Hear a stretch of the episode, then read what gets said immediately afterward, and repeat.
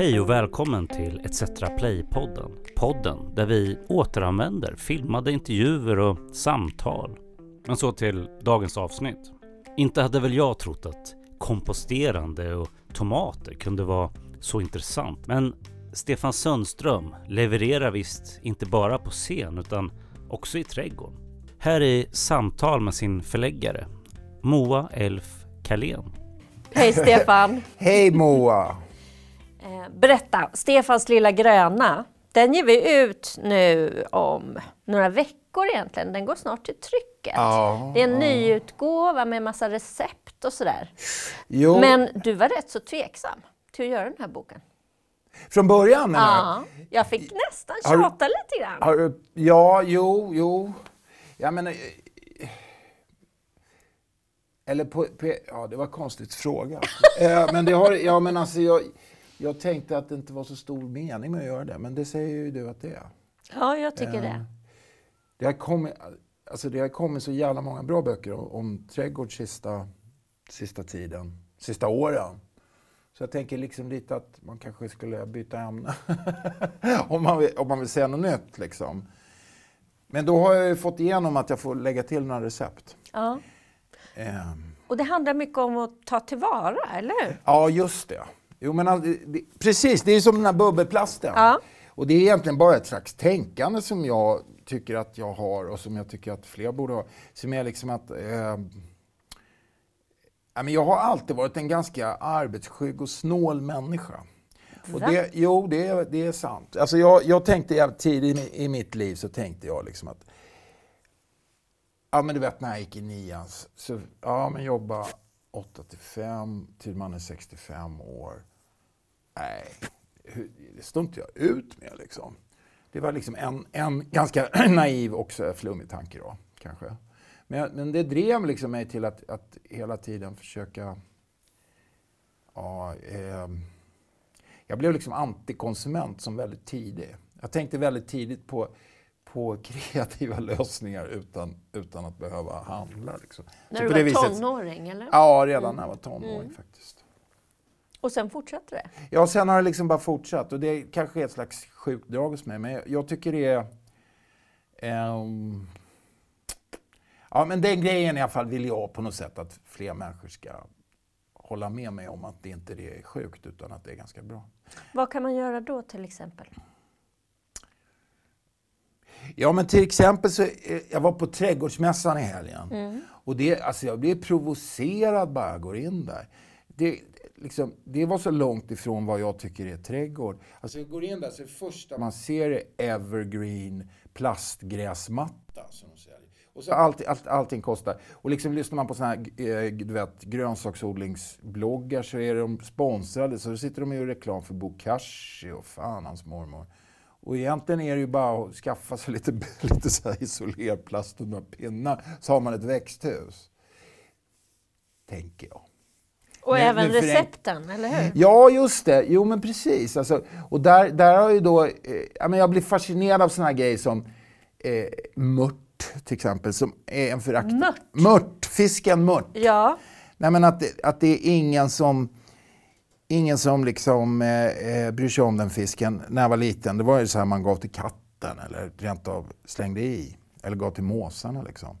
Men så har jag träffat på folk då uppe i Hälsingland, gamla människor som, som gör surmört. Och det där ledde in mig då på att jag käkar surströmming. Så för mig var det ganska givet att eh, liksom pröva det. Och så tyckte jag det var gott. Så det där liksom, och nu är jag framme vid att få åka med några snubbar utanför Umeå som fiskar strömming och surströmming och gör det professionellt. Det är ganska lit, en liten firma. Mm. Och då ska jag få hänga med, för de får som bifångst får de flera ton mört varje år. Och vad händer med den? Ja, de, den slänger de i. Den käkar måsarna upp möjligen som bäst. Så då har du ett recept med surmört? Ja, då, då har jag ett recept med surmört mm. och får göra det, förstår du? Med mm. dem, mm. Ja, vi har inte gjort upp ekonomiska dealen riktigt, men, men liksom eh, en hel, alltså, då är det en snubbe som är livsmedelskemist så det blir rätt allting och i mm. deras eh, klina lilla fabrik där. Så, så det, det, är, det är nästan det roligaste jag har på gång av allting nu. Det är att göra det. Jag tänker, du har gjort flera böcker. Ja. Eh, Det var inte länge sedan som vi släppte Stefans stora feta röda, Nej. din bok om tomater, Ja. som eh, så många tycker så mycket om. Det är Ja, väldigt det- roligt. Ja. Ehm, och nu går vi in och det blir odlingssäsong. Det är april nu när vi Mm. spelar in det här, nästan.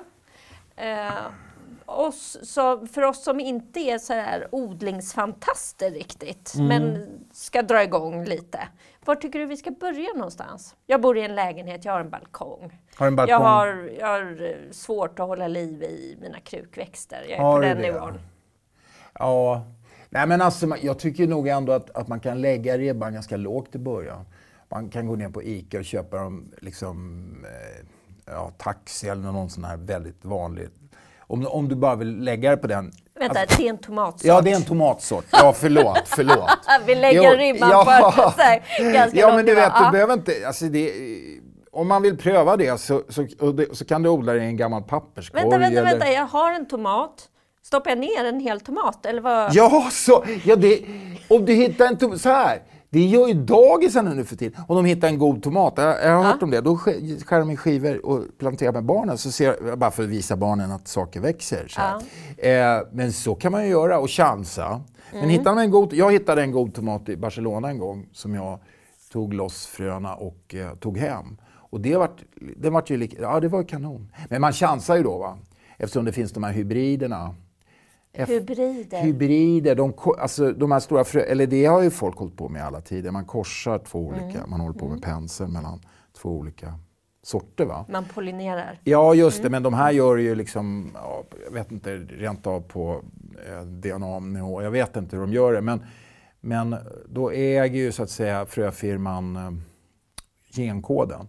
Och då kan man inte, de kan inte reproduceras likadant. Alltså, eh, nästa generation blir inte, antingen blir det ingenting eller också blir det något helt annat. Och så är det ofta med de här tomaterna i affärerna tyvärr.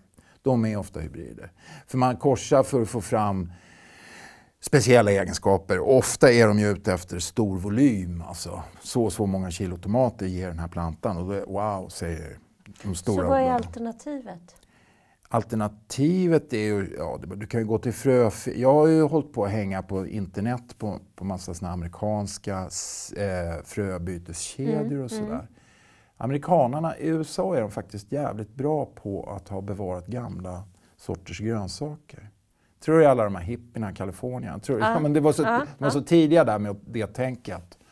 Så det, det är jävligt roligt. Och Så där- man byter frö med varandra. Det kommer ju många, jag som följer dig ut på dina Ja, författarturnéer. det. Det kommer ju många med fröpåsar och så Ja, byter vi- man. ja, så- Nej, ja. Jag associerar lite till bokmärkena när jag liksom gick eh, i skolan. Det känns ju lite så. Det är lite Ja, samma ja. roliga grej. Ja.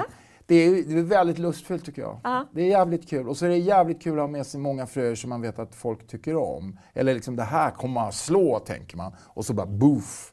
Det är jättekul. Byter man då, jag, jag får två av dina såna här, om du får en påse av mina såna Ja, här. det köps. Ja. ja, men det går lite på feeling sådär. Men det blir, det blir en jävligt, det är en jävligt rolig affär eftersom det inte finns någon pengar i det. Ja. Det är faktiskt, ja det är så, eller som att byta filmisar. Ja, men, äh, Men i det långa loppet då, varför är det viktigt att byta fröer? Jo, men det, ja just det. Dels är det roligt va, men det finns ju en väldigt allvarlig sida av det här och det är ju det här med alltså, frö, frö, fröbanker av, av äldre sorter och att det finns en jävla div, heter det diversitet, alltså en mångfald av, av sorter är jätteviktigt. Det odlas bara fyra, fem eh, tomatsorter i Europa i de, av, av de här stora bulk... Alltså när du går in på ICA och det är liksom ett berg av röda tomater. Då är, då är det precis samma berg av röda tomater. Det är liksom samma jävla art som du handlar i München, i Milano, Barcelona. Hade jag ingen aning om. Ja, men tyvärr är det så. Men sen så finns det ju då, om man inte går till någon special, då finns det massa olika. Men i det stora hela så är det, och det är liksom lite farligt när det är så få sorter. Va? Och det här gäller ju vete, det här gäller ju ris. Nästa, och det är, mycket, det är ännu allvarligare. Va? Men, men då, då är det viktigt att spara frö, fröer alltså för framtiden. För man vet ja, men med klimatförändringar, med massa andra sådana saker. Det kommer sjukdomar som slår ut vissa arter men inte andra. Och sånt va. Och du vet i Svalbard där de har den här stora fröbanken. Där var det en liten notis för två år sedan i DN, tror jag det var. Där stod det har börjat läcka in smältvatten i Svalbard i deras stora valv där de har alla de här fröerna. Alltså de har byggt ett valv som ska klara kärnvapen, mm. som ska klara eh, vet, att el slås ut, att, att hela infrastrukturen i Västeuropa... Ja, rubbet. Mm. Allting kan braka ihop. Det händer ingenting med det här frövalvet. Så att någon ska kunna hitta det om 10 000 år. Mm. Mm.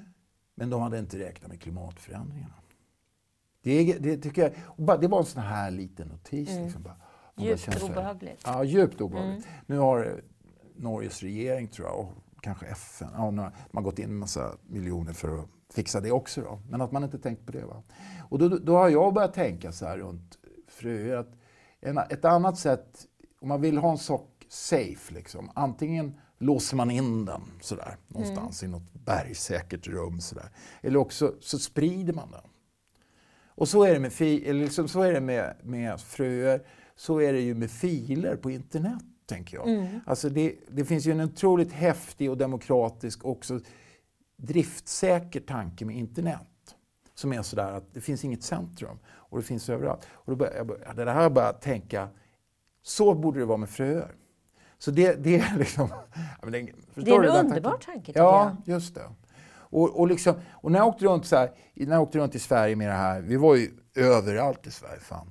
Och då, då, nu har jag liksom, hemma hos mig har jag julita ärtor, eh, limaärtor, eh, blå, vad heter det, blåärt från Alfta på såna, mm. i sådana små kuvert. Så här. Jättehäftigt. Och då, då, finns det, och, liksom, och då har ju folk tänkt samma tanke att om jag delar med mig av det här så kan jag ringa den där liraren sen inte jag har, när, om min skörd slår fel. Liksom. Så det blir en slags, ja, jag tycker det handlar faktiskt om livsmedelssäkerhet och så handlar det om, om självförsörjning då såklart. Och det handlar om, ja, i den här Stefans lilla gröna, det, det är mycket som rör just självförsörjning. Ja, ja det, det är ju det som är grejen. Hur, hur kom du in på det överhuvudtaget? Ja, det, det, det är den här snåla läggningen som jag har då. då.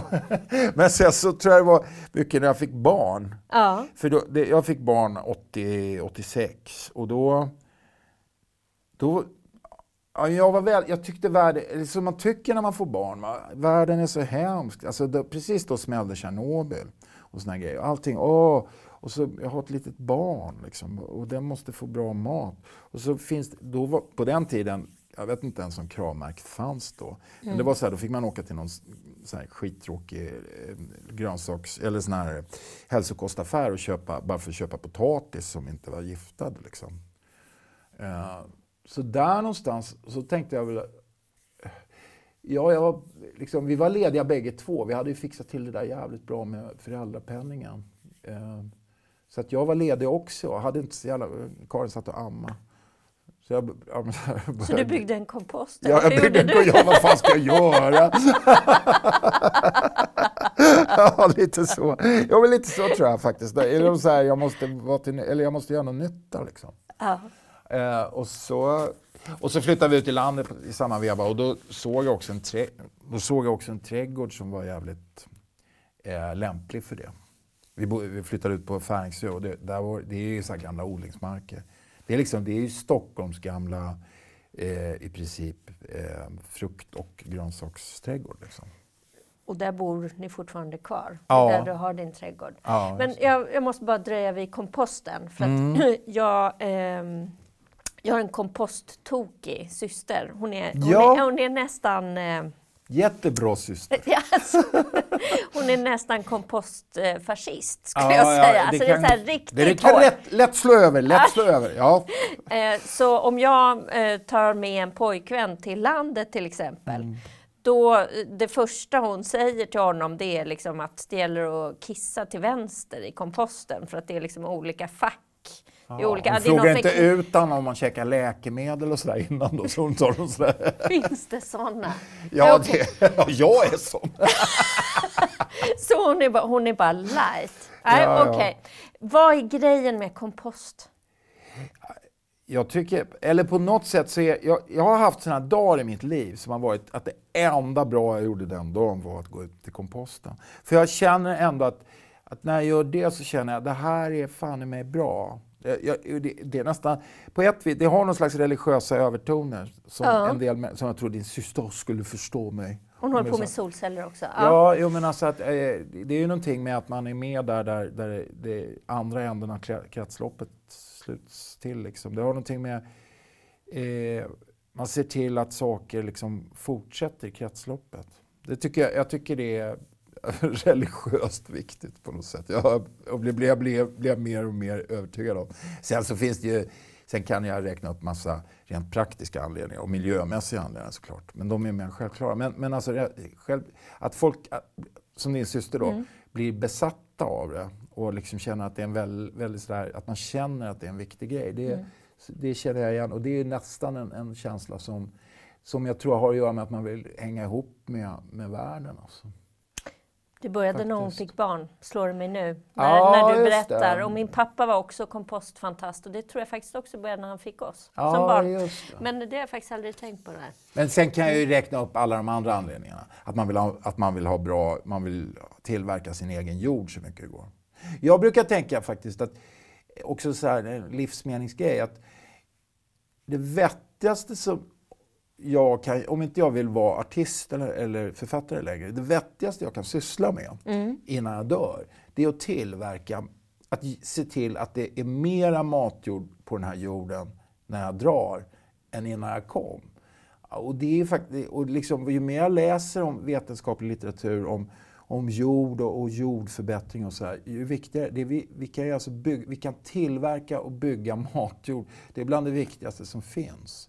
Av massa anledningar. Av, klimat, av klimatkatastrofanledningar, av livsmedel. Alltså, det är jätteviktigt. Mikrolivet i, jorden är liksom, precis som det stora livet på jorden, är det, är det utarmat. Va? Det är otroligt viktigt med en biologisk mångfald i, i jorden. Mikrolivet är lika hotat som allt annat. Är det här din nästa bok? Ja, jag tror nästan det. Kompostboken? Ja. Jag fick, hörde av en, en kille så här, det är, det är mer biologisk mångfald i ett skitigt dike bredvid E4 än vad det är ute på åkern eh, bredvid där man odlar raps. Alltså, det, det, ja, det är rätt bli, skrämmande. Ja, det är mm. faktiskt mm. skrämmande. Mm. Och farligt för oss. När man pratar om biologisk mångfald så är det liksom eh, då, tror, då, ser man framför sig någon, någon kille med fjällrävenjacka och glasögon som pratar om någon skalbagge i Blekinge. Liksom. Och så tror man att, ja men det är, man, så tycker man liksom lite synd om honom. Och så tycker man, liksom, ja det är, det är tråkigt att skalbaggen där ska försvinna. Eh, men det, det, är inte, liksom, det rör inte mig. Men det, det, precis, alltså det, det försvinner arter i en skrämmande takt nu och som gör att, eh, och vi har ingen aning om hur det relaterar till oss. Vi vet inte vilka, liksom, vi sågar av en gren vi själva sitter på och tror att det handlar om grå, någon gråryggig hackspett någonstans som det är synd om. Men det handlar om oss till slut. Och det är också en grej jag jag ska gå hem och sätta igång med en kompost. Faktiskt. Det ska, jag är ja, faktiskt allvarlig jo, men det är verkligen så. Jag måste hinna fråga dig också. Alltså, du är mångsysslare riktigt. Mm. Eh, när du skriver, eh, vad är skillnaden tycker du mot när du är artist? Jag måste vara mer noggrann. Jag, jag, kan inte... Alltså som artist har jag varit ganska... Eller jag är uppvuxen i en sån tradition tror jag, där man, där, där man gör liksom dygd av att vara ganska slarvig. Mm. Eh, för att det liksom svänger mer då. Och det, så är det ju också. Alltså är man slarvig så det, blir det svängigare musik, tycker jag. Men det funkar inte när det är en bok? Nej, fast det är, nog, det är också min svaghet som författare. Jag, Varför då? För att, och speciellt om man skriver om, om eh, vad ska man säga, grejer som är faktabaserade. Alltså, så därför tar det tid för mig. Jag måste ringa min stora syster som är biolog och fråga om det är sant det jag tänker och sådär. Så, ja. Men jag tror att du har helt rätt. Ja. Att det inte går att ha slarviga böcker nej, på samma det, sätt. Nej, det, nej, precis. Det är inte då nej. det svänger i alla nej, fall. Nej. Men medan album, alltså skivor, musikskivor kan bli väldigt bra av att de är slarvigt gjorda. Mm. Sista frågan. Om du skulle skicka boken till en person, vem vill du skicka den till? Oj. Malena En. Varför då? Berätta. För att jag vill impa på henne. Gud vad härligt. Ja. Då ska vi se till att göra det. Bra! Ja, tack, ja, tack för att du kom hit, Stefan. Du vet väl om att det finns filmade författarsamtal på etcetraplay.se? Och för 69 kronor i månaden så finns det också riktigt bra film. Och då säger jag bara på återhörande.